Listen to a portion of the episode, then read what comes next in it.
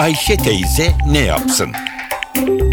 Güngör Oras, Ayşe teyzeye ekonomide olan biteni anlatıyor.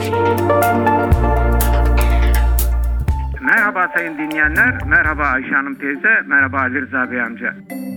Bugün size cari açığımız konusunda bilgi vermeye çalışacağım. Olağan döviz gelirlerimiz ile olağan döviz giderlerimiz arasında her ay 5, 6, 7 milyar dolar dolayında bir açık ortaya çıkıyor. Biz de buna aylık cari açık, döviz açığımız diyoruz. Olağan döviz gelirlerimizin nedir bunlar? İhracattır, turizm gelirleri gibi gelirlerdir. Peki olağan döviz giderimizin en önemlisi de hep bildiğimiz gibi ithalattır. İthalat ile ihracat arasındaki bu fark bizim her ay önemli ölçüde bir döviz ihtiyacıyla karşılaşmamıza neden oluyor. Buna da cari açık diyoruz.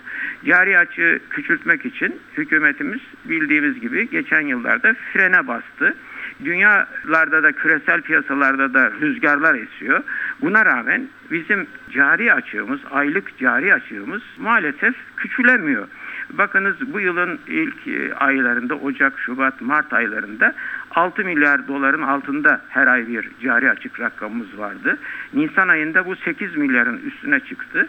Mayıs ayında da cari açığımız 7,5 milyar dolar olarak gerçekleşti. Şimdi her ay bu kadar açık veriyoruz ve bunun kapanması için de dışarıdan bir döviz girişinin olması lazım.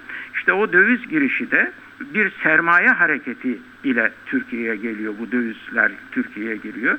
Sermaye hareketiyle gelen bu dövizler e, değişik şekillerde üç ana kanaldan Türkiye'ye giriyor. Birincisi bu kanalların e, doğrudan yabancı sermaye yatırımları yani bu yabancıların fabrika kurmak yahut da daha önce kurdukları fabrikalara eklemeler yapmak, gayrimenkul satın almak için getirdikleri paralar ki bu çok önemli bir para değil ama esas son zamanlarda sıcak döviz girişi dediğimiz portföy yatırımları yani portföy yatırımları dediğimiz yatırımlarda e, hisse senedi ve tahvil yatırımları ve döviz kredileri şeklinde Türkiye'ye giren paralardır.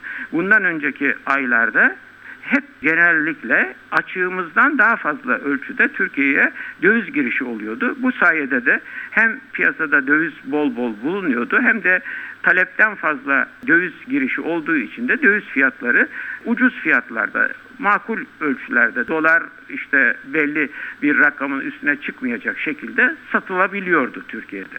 Ama Mayıs ayında çok önemli bir gelişme olmuş. Dün açıklanan Merkez Bankası rakamları bize gösteriyor ki Mayıs ayında birdenbire döviz girişinde kesilme olmuş.